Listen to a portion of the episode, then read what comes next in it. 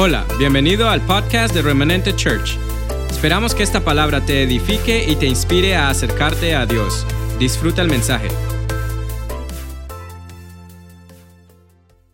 poco más en, en la lucha contra los conflictos, las dificultades, la rebeldía pasiva que a veces expresamos.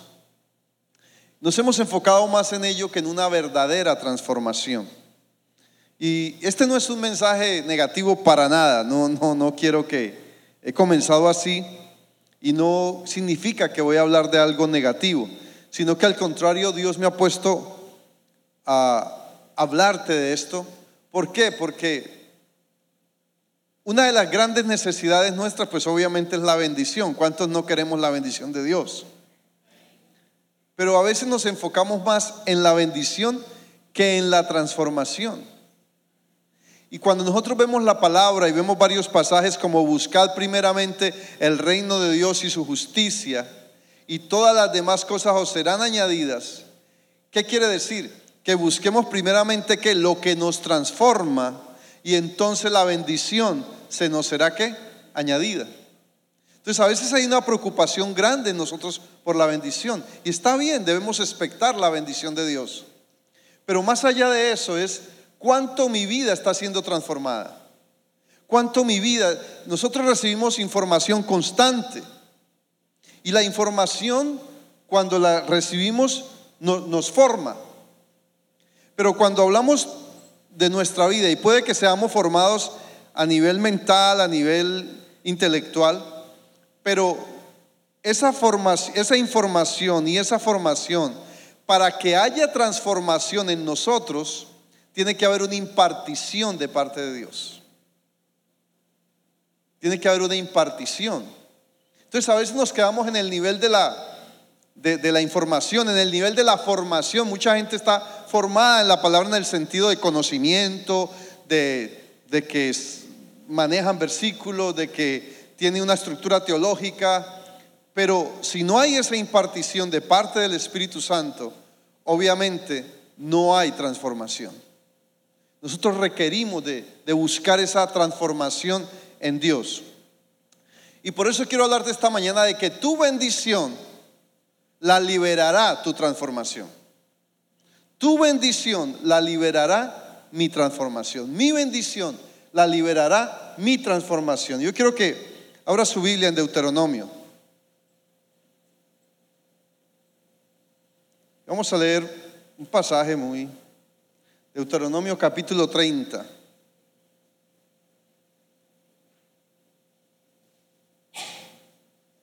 Versículo, vamos a leer del 1 al 20.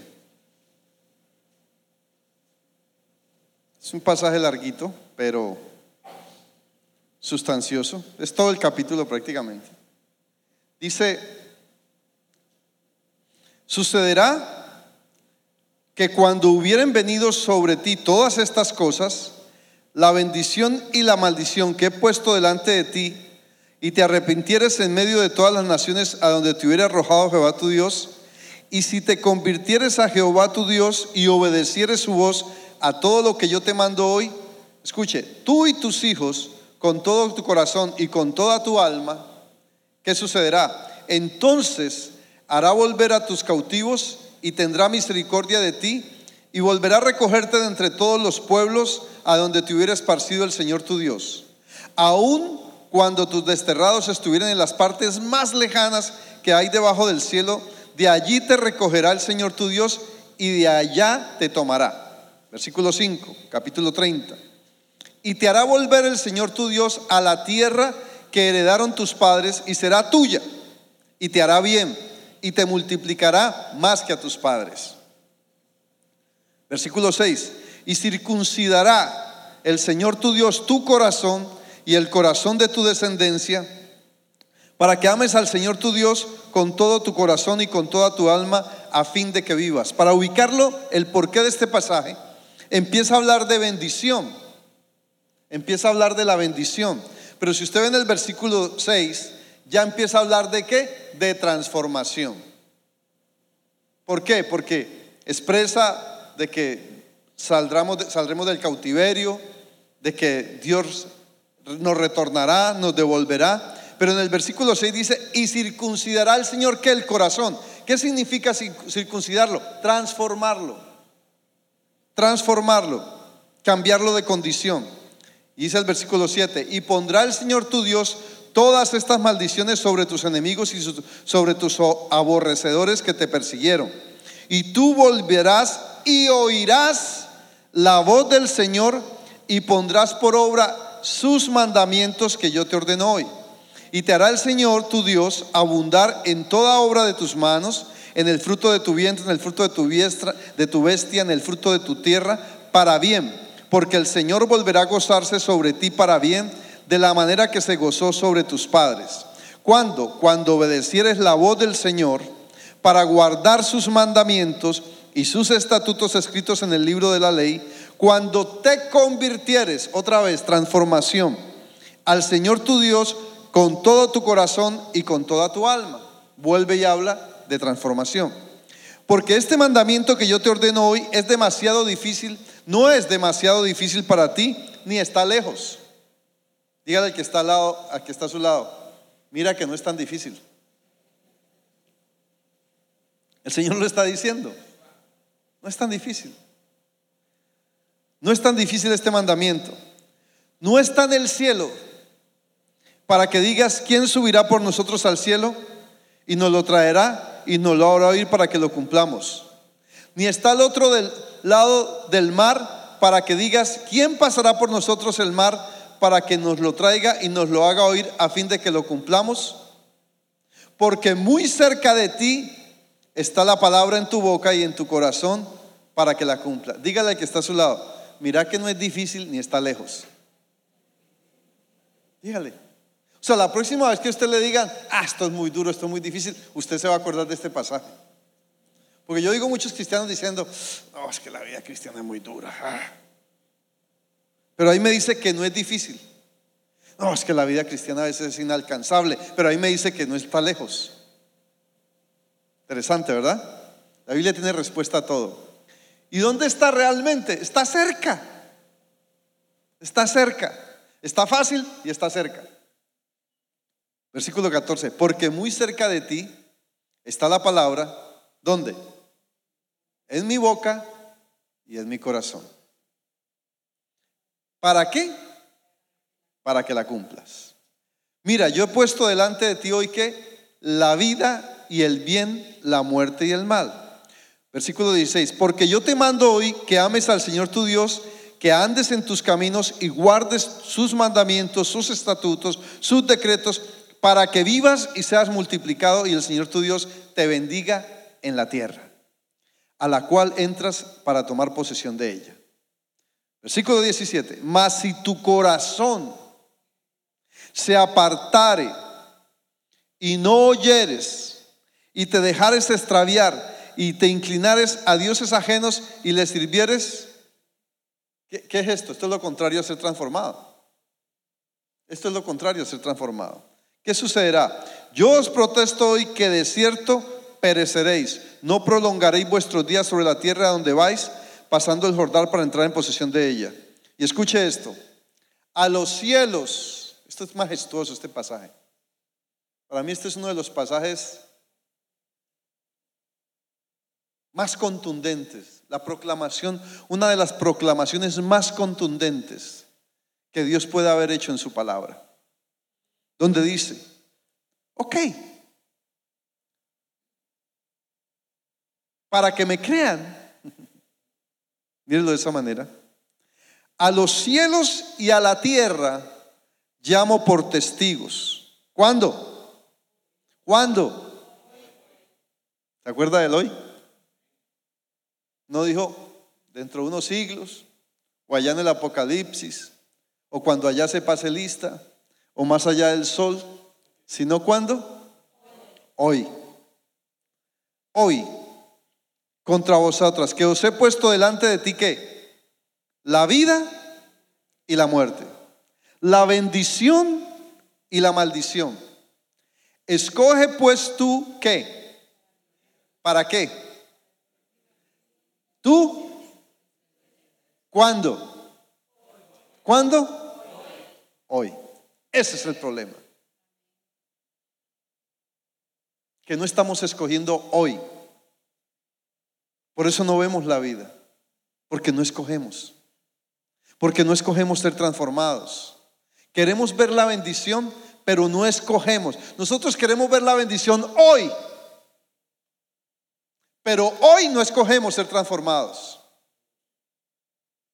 Hoy no escogemos la vida. Y le voy a decir algo. Si yo no escojo hoy la vida, ¿qué estoy escogiendo? ¿Por qué? Porque no dice, bueno, mientras escoges la vida o escoges la muerte, escoge algo más. No dice eso. Dice, hoy o escoges la vida o escoges la muerte. A duro, ¿ah?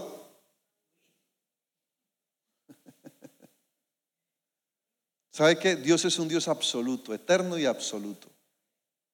Y dice, amando al Señor tu Dios, atendiendo a su voz y siguiéndole a Él, porque Él es vida para ti y prolongación de tus días, a fin de que habites sobre la tierra que juró el Señor a tus padres Abraham, Isaac y Jacob, que les había de hablar. Pero a mí este pasaje es contundente. Es más, ya prediqué.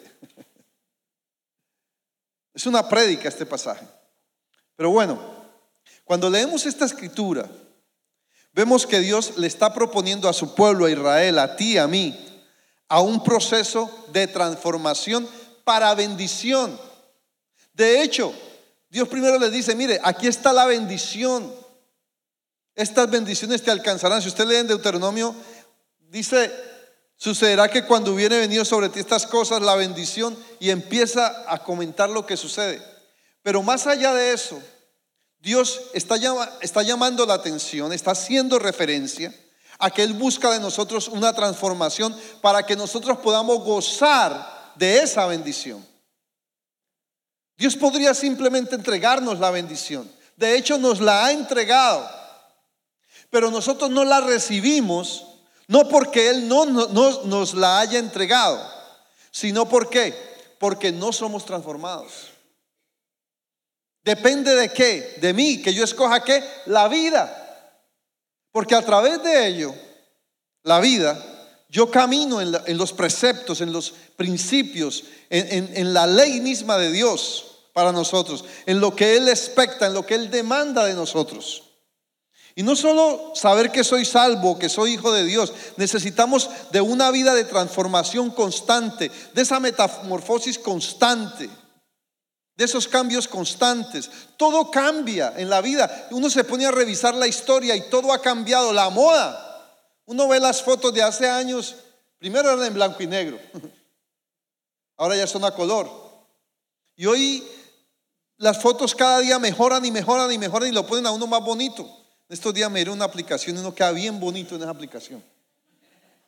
No necesita hacerse nada, eso es plin y ya queda uno hasta delgado queda. Entonces, ¿por qué? Porque todo va cambiando. La moda, uno ve anteriormente los peinados, una mota aquí, ¿cómo le llamaban? La pollina, la, el alf, así las hermanas se ponían el, entre más alto fuera, más caía. ¿Ya? Entonces, todo, todo cambia, pero ¿qué de nosotros? ¿Qué de mi alma? ¿Qué de mi alma? Está cambiando mi alma, está cambiando mi mente, está siendo sometida a una transformación constante, porque a partir de ahí mi, bendición va a ser liberada. Y todos, no solamente decir, ah, yo soy salvo, ah, yo soy hijo. No, estoy caminando en los beneficios de esa condición. Y todos buscamos el bien, todos buscamos eh, la bendición de Dios todos buscamos el, Evangelio de poder, los beneficios del reino. Pero ¿cuántos de los que estamos aquí esta mañana estamos verdaderamente buscando una transformación en nuestra vida? La Biblia dice que el Evangelio, el verdadero Evangelio, es poder de Dios para qué? Para salvación. Pero no solamente para salvación. El Evangelio cuando se practica, cuando nosotros practicamos este Evangelio, que no es difícil, que no está lejos, porque ese es el verdadero evangelio. Cuando el evangelio se torna difícil, se llama religión. Cuando el evangelio se torna lejano, se llama mística. Se llama legalismo. Porque lo que me dice esta palabra y me lo dice desde el Antiguo Testamento es que este evangelio, este mandamiento no está lejos ni es difícil. O sea que es vivible, es totalmente posible. Entonces me dice que este evangelio es poder de Dios para qué? Para salvación, para liberación, es poder de Dios para restauración, es poder de Dios para transformación, es poder de Dios para lo que tú quieras, para lo que tú y yo queramos, está diseñado este evangelio. O más que queramos, que necesitemos, está diseñado este evangelio. Y estoy convencido que una de las razones por lo cual no se manifiesta e, esa plenitud de bendición de la cual me está hablando aquí, porque es que si usted lee estos pasajes de, Deuteronomio especialmente, es como Dios culminando, cerrando la Torah o el Pentateuco que se llama, que le, que le llaman, y es como diciendo, hay una bendición, hay, hay, hay plenitud de bendición sobre nuestras vidas. Y, es porque no, no, nos hemos dispuesto a esos cambios, a, a forzar. Los cambios a veces hay que forzarlos. Si usted quiere un cambio, uno lo forza. ¿Sí o no? Las hermanas son especialistas en eso. ¡Wow! La paciencia para arreglarse las uñas, una hora, dos horas. Y uno en cinco minutos está listo. O sea, yo admiro, de verdad, yo les admiro en ese sentido, el tiempo que invierten en la transformación física. Ya sabe para dónde voy, ¿no? El tiempo, las uñas, el cabello. ¿Cuánto puede durar un promedio de una, una mujer que tenga el cabello largo cepillárselo? No menos de 45 minutos. ¿Sí o no? Y si lo hace tres veces a la semana, es hora y media, dos horas y algo.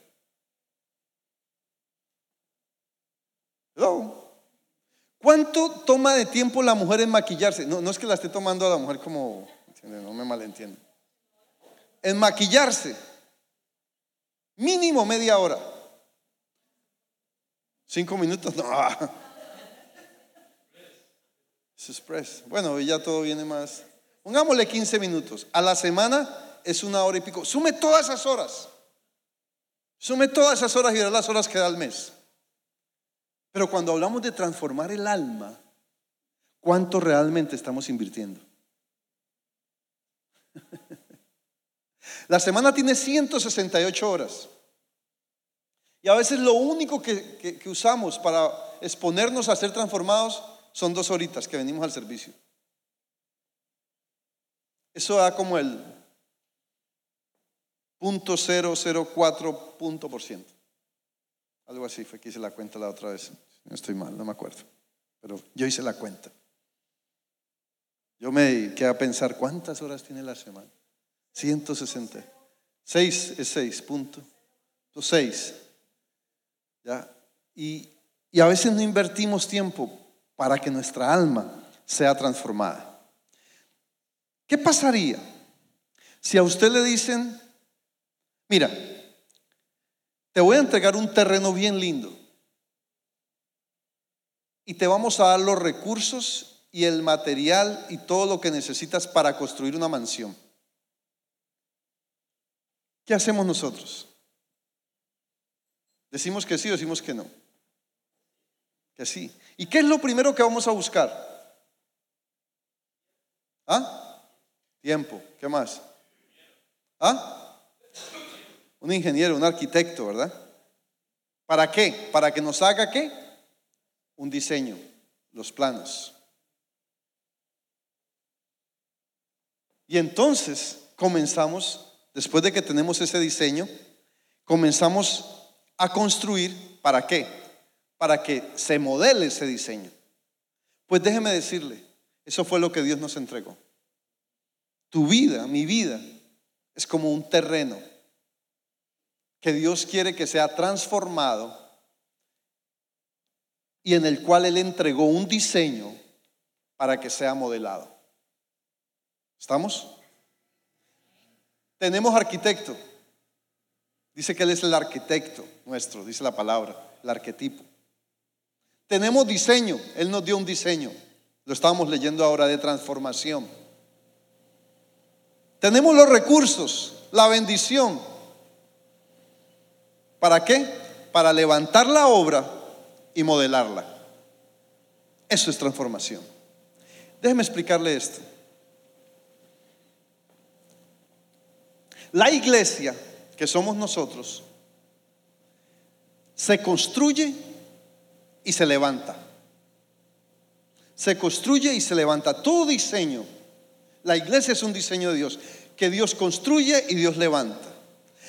La construcción está ligada al diseño, está ligada al principio, está ligada a la palabra, está ligada a la estructura que Dios nos entregó. El levantarla tiene que ver con el modelo. Por ejemplo, si pensáramos en la iglesia como casa espiritual, la edificamos, la construimos a través de la palabra, a través de los principios, a través de la obediencia. E, eso tiene que ver con el diseño. Y la levantamos para qué? Para modelar una iglesia que sea atractiva al mundo también. Pero tiene que tener un diseño, tiene que tener tiene que ser una iglesia edificada, ¿por qué? Porque si yo edifico la iglesia o edifico mi vida y no la modelo, caigo en religión. Pero si yo modelo la iglesia o modelo mi vida y no la edifico, caigo en humanismo. Otra vez.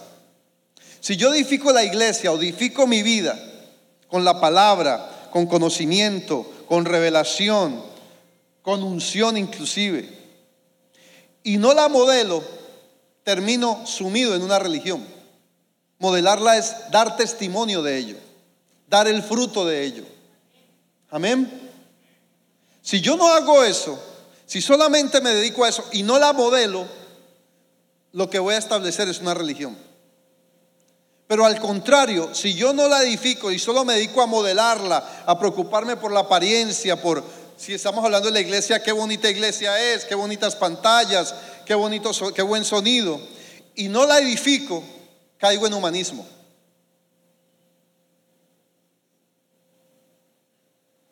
Entonces necesitamos, para ser transformados, edificar nuestra vida y levantar nuestra vida, o sea, diseñada por Dios, modelada por nosotros. ¿Me estoy haciendo entender?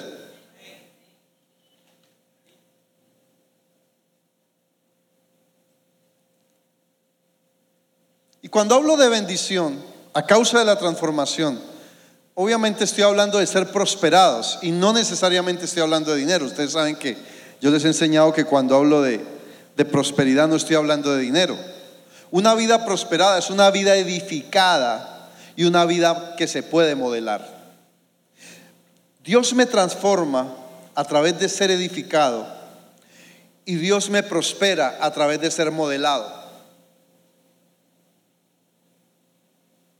¿Me estoy haciendo entender, iglesia?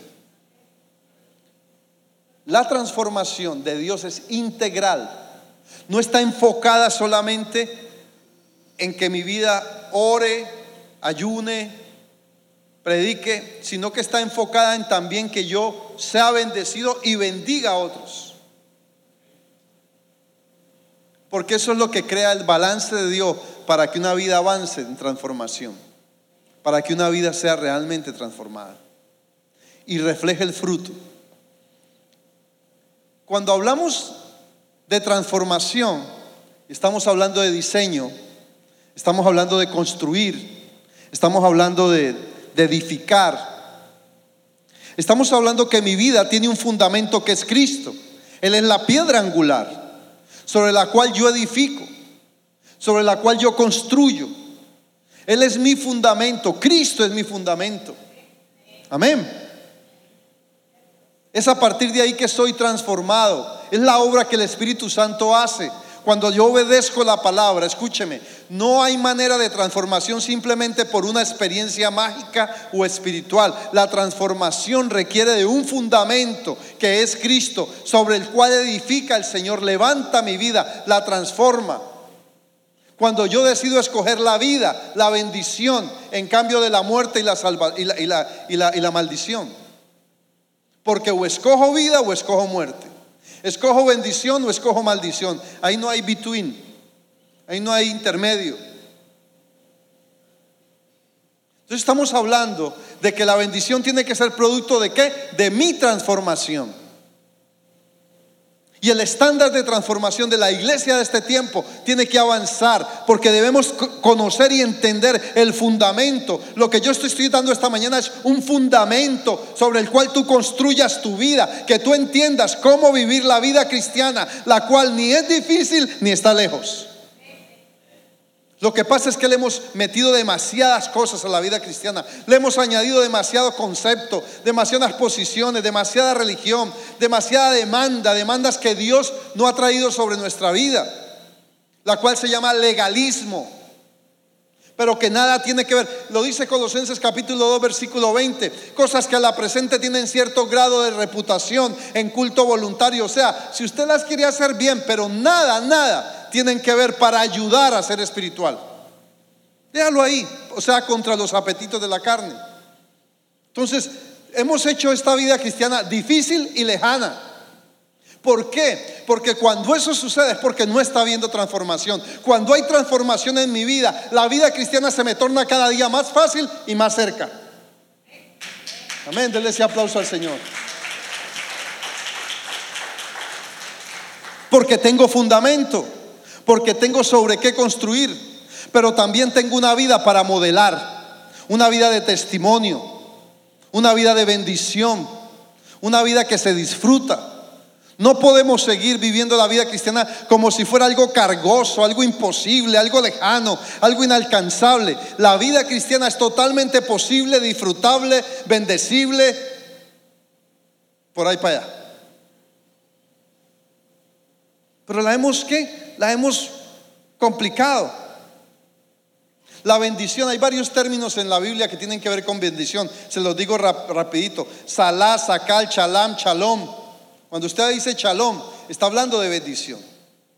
Y tienen que ver con empujar hacia adelante, con ser inteligente, con ser recursivo, con ser tranquilo, con ser seguro, con ser feliz, con caminar en paz, en bienestar, en completa felicidad, en triunfar, en lograr. De eso habla bendición. Pero nada de eso será posible si mi vida no está siendo transformada, si mi vida no camina sobre un fundamento, si yo no escojo construir sobre el fundamento que es Cristo. Porque ese fundamento es lo que me permite fortalecer el diseño en mi vida, hacer que el diseño que el, que el arquitecto construyó para mi vida sea levantado de tal manera que mi vida al ser transformada, al ser construida, yo pueda modelarla al mundo. Ese es el Evangelio verdadero. Cuando yo tengo que modelarle al mundo, cuando yo tengo que mostrarle de parte de Dios al mundo, porque yo le puedo hablar de mucha palabra a usted, pero si yo no tengo que mostrarle de mi vida, no estoy haciendo nada. Hemos hablado mucho del Evangelio, pero lo hemos vivido poco. ¿Por qué? Porque necesito ser transformado. Necesito ser transformado. Y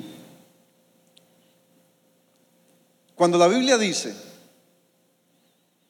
¿por qué le hablo transformación ligada a la bendición? Dice la Biblia en Deuteronomio capítulo 8, 18, que Él nos da el poder para hacer las riquezas. Entiéndase por riqueza todo lo que es bendición. Pero dice que da el poder. En el original dice que Él da el fundamento, que Él da la actitud, que Él da el corazón correcto. ¿Para qué? Para provocar bendición. O sea, que Él edifica, que Él transforma para que riquezas sean liberadas. Deuteronomio capítulo 8, versículo 18. Entonces, cuando hablamos de transformación, tiene que ver con que mi actitud representa, muestra lo que leíamos en Deuteronomio 30, que he escogido la vida, que he escogido la bendición. Esto demuestra mi verdadera transformación, porque reflejo la obra de Cristo en mi vida. No que no fallemos, no que no nos compliquemos, no que en un momento no, no cometamos errores, pero entonces yo puedo representar esa transformación constantemente en mi vida. Y puedo ser de bendición para otros. ¿Qué estoy siendo para otros? ¿Soy bendición o soy maldición? ¿Qué estoy siendo para otros? ¿Vida o muerte? ¿Qué estoy hablando? ¿Cuándo yo transmito vida o transmito muerte? Lo que hablo determina mucho lo que yo he escogido. Si usted quiere ver si una persona camina en bendición o en maldición, en vida o en muerte, escuche su lenguaje.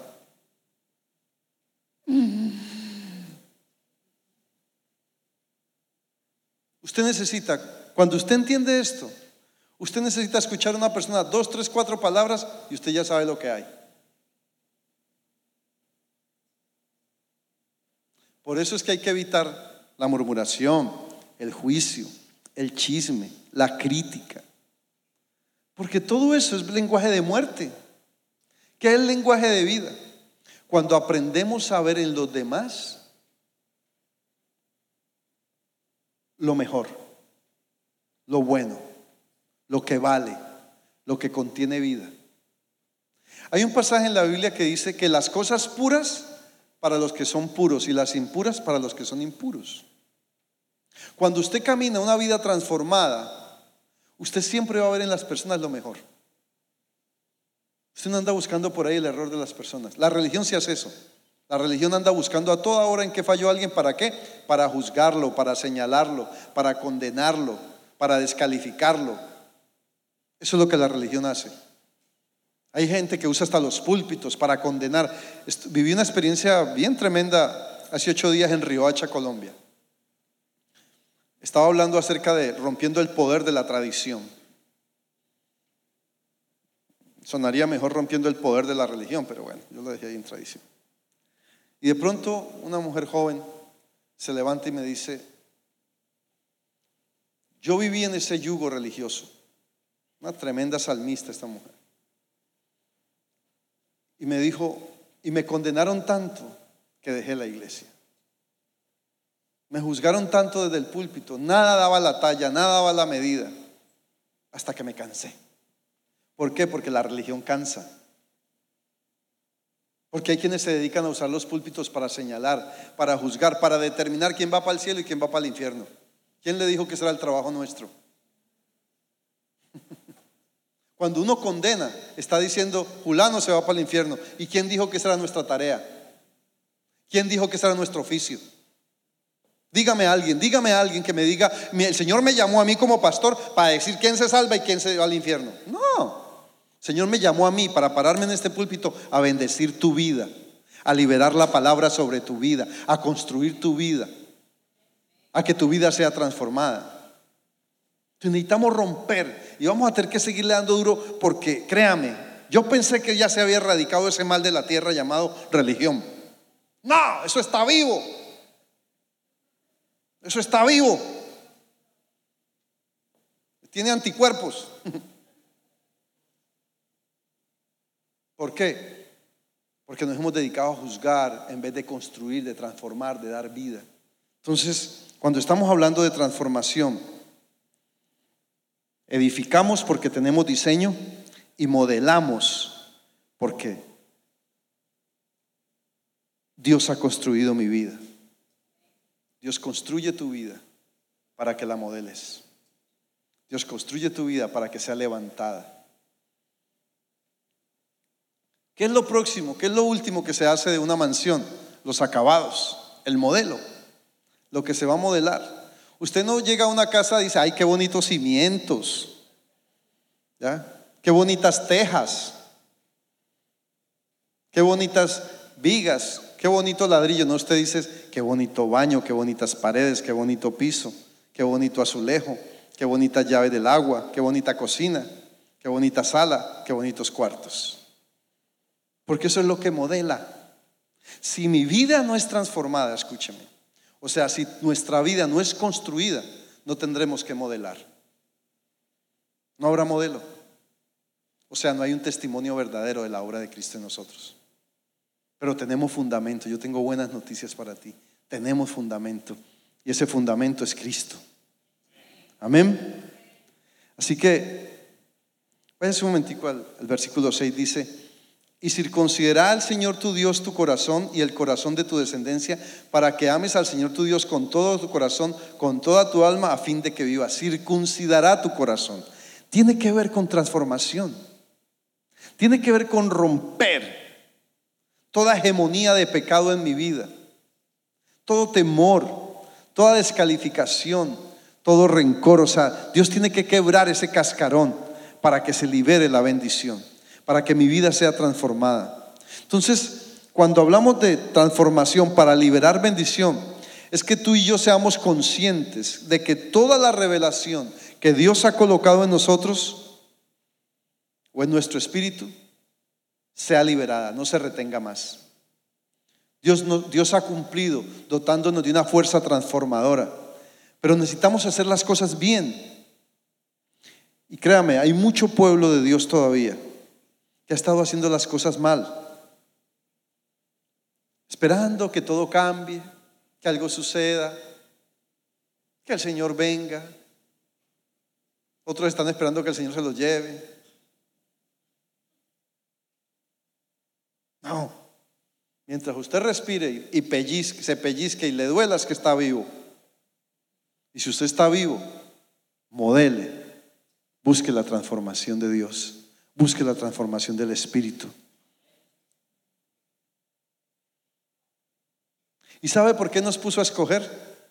A los cielos y a la tierra llamo por testigo, que pongo delante de ti la vida y la muerte, la bendición y la maldición. Y después que dice, escoge tú pues. Y hay una versión que nos pone a escoger y nos sugiere. Dice, escoge pues tú la vida para que vivas. ¿Por qué nos puso a escoger? Ya lo voy a decir por qué, versículo 10, vamos a volverlo a leer.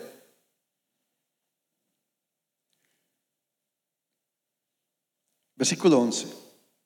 ¿Por qué nos puso a escoger? Porque este mandamiento que yo te ordeno hoy no es difícil. No es difícil, ni está lejos. La próxima vez que alguien le diga a usted que es difícil, mándelo para Deuteronomio 30:11. y cuando le digan que está lejos, también. Por eso nos puso a escoger. Es totalmente posible ser transformado. ¿Cuándo? ¿Cuándo? Oh, yo estoy esperando, pastor, que usted sabe. Ah, es que la mujer que el Señor me dio, cuando yo arreglo las cosas con ella, entonces yo me arreglo con el Señor. Ah, es que usted sabe, pastor. No importa cuál sea mi condición, tu condición, el Señor te está invitando a que hoy comience tu día de transformación. Hoy comience tu día de transformación. Yo no sé si mañana, si ayer no pudiste, pero hoy puedes. Y con ayer ya no se puede hacer nada, pero hoy se puede, porque ni está lejos ni es difícil. O sea, no hay excusa, no hay excusa.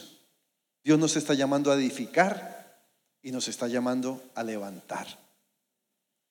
En, Juan 5, ya terminando, el cuando habla del paralítico de, de Bethesda, es una muestra de cómo a veces no queremos ser transformados. Y suena raro que, Jesús le preguntara que si quería ser sano. Juan 5, 6 por ahí. ¿Por qué le preguntaría algo tan evidente? Es como si hoy el Señor nos preguntara, ¿quieres ser transformado? Parece muy evidente. Pero ¿sabes por qué? Porque hay muchos que no quieren ser transformados, que solo quieren la bendición. Y no hay bendición si no hay transformación. No es un tema de que me la merezca, no. La bendición no es un tema de que yo tenga que pagar por él. Es que la bendición es un derecho a partir de. A partir de si usted ve después de que él habló de transformación y de circuncidar el corazón, entonces dijo, ahora sí, tú escoges. Entonces, si usted ve la bendición es un tema no de merecer, no de, de pagar por él, sino de qué? De escoger. Hello. por Dios, pongo delante de ti la vida y la muerte, la bendición y, las, y, la, y la maldición. ¿Qué dice? Escoge. No te dice, a ver si, no te dice, escoge. Como cuando usted lo llevan a un almacén y le dicen, escoja. Ahí no le están diciendo, te lo mereces o paga por él. No, escoge. Eso mismo Dios nos está diciendo. Después de que mi vida es transformada, de que yo escojo la vida, escojo la bendición, entonces disfruto. Y no es difícil ni está lejos. Me estoy haciendo entender, iglesia. Entonces, descompliquemos esta vida. La tenemos demasiada complicada, ¿sabe por qué? Porque hemos buscado más la complicación que la transformación.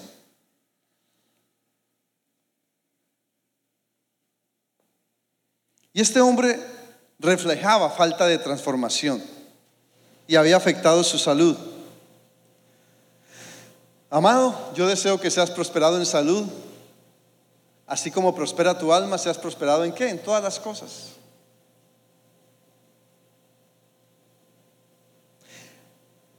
Antes de cualquier deseo de Dios para nosotros de bendición o de prosperidad, el gran deseo de Dios es transformación. Amado, yo deseo que seas prosperado en esto, en esto, pero como tu alma es transformada, o sea, como tu alma es prosperada. ¿Qué es un alma prosperada? Un alma transformada. Eso es un alma prosperada. Así que nuestra bendición, nuestra prosperidad involucra vida o muerte. Involucra transformación. No libraré la bendición absoluta sobre mi vida si no soy transformado. ¿Por qué? Porque la transformación libera bendición. Y entonces yo qué hago? Escojo. Ahí no dice, porque es que nos han puesto a pagar un precio por la bendición. Y la Biblia todo el tiempo está hablando de que la bendición me persigue, me alcanza, es un derecho. ¿A partir de qué? De la transformación. Cuando dice buscar primeramente el reino de Dios y su justicia, transformación. Y las demás cosas os serán qué? Añadidas. Entonces el Señor aquí igual está diciendo, busca la transformación y entonces escoge. Quiero bendición, vivo transformación. Y entonces, ¿qué hago? Escoger. Una de las razones por las que Abraham fue prosperado, bendecido, es porque hubo un pacto entre él y Dios. Significaba que todo lo que le pertenecía a Abraham le pertenecía a Dios y todo lo que le pertenecía a Dios le pertenecía a Abraham. Tenemos que entrar en esa dimensión. Transformación tiene que ver con todo lo que soy, con todo lo que puedo, con todo lo que tengo, estar ligado a Dios.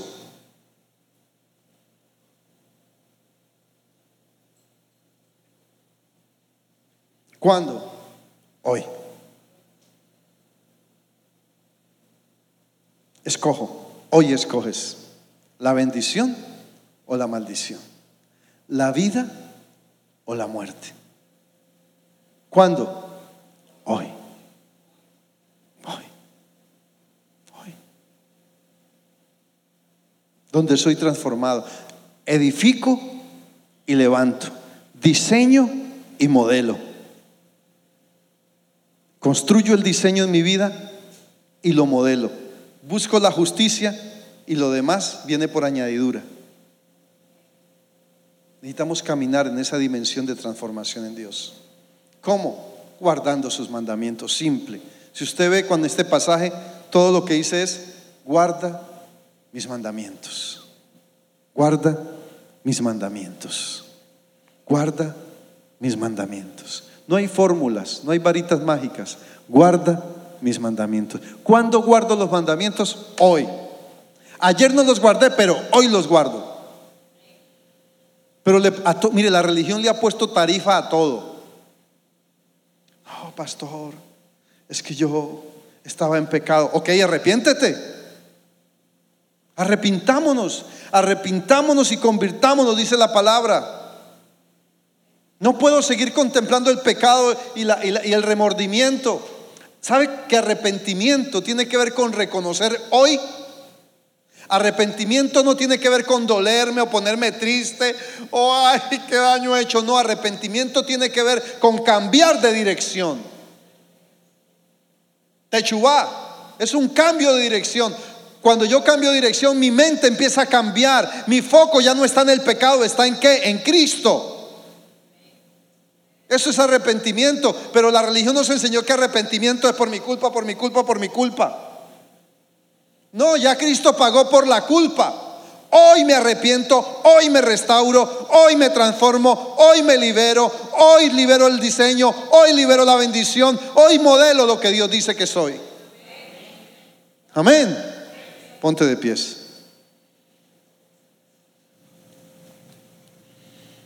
Si tú estás esta mañana aquí y tú quieres esa vida transformada, necesitas a Cristo. Necesitas a Cristo en tu corazón. Necesitamos la salvación del Señor. Incline su rostro ahí donde está. Si usted no ha recibido a Cristo en su corazón como su Señor y su Salvador, esta es la oportunidad para que lo haga. Esta es la oportunidad para que diga, yo quiero a Cristo en mi vida. Que Él venga a reinar en mi corazón. Y si usted está aquí no lo ha hecho, repita esta oración conmigo. Padre, en el nombre de Jesús, hoy me arrepiento de mis pecados. Abro mi corazón para que Cristo venga a reinar en mi vida. Reconozco que Él murió y resucitó por mí y que su sangre me limpia de todo pecado. Perdóname, Señor.